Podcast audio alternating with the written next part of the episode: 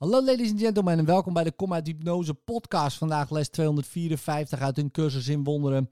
Laat elke stem in mij verstommen, behalve die van God. Vader, vandaag wil ik alleen uw stem horen. In de diepste stilte wil ik tot u komen om uw stem te horen en uw woord te ontvangen. Ik heb geen ander gebed dan dit.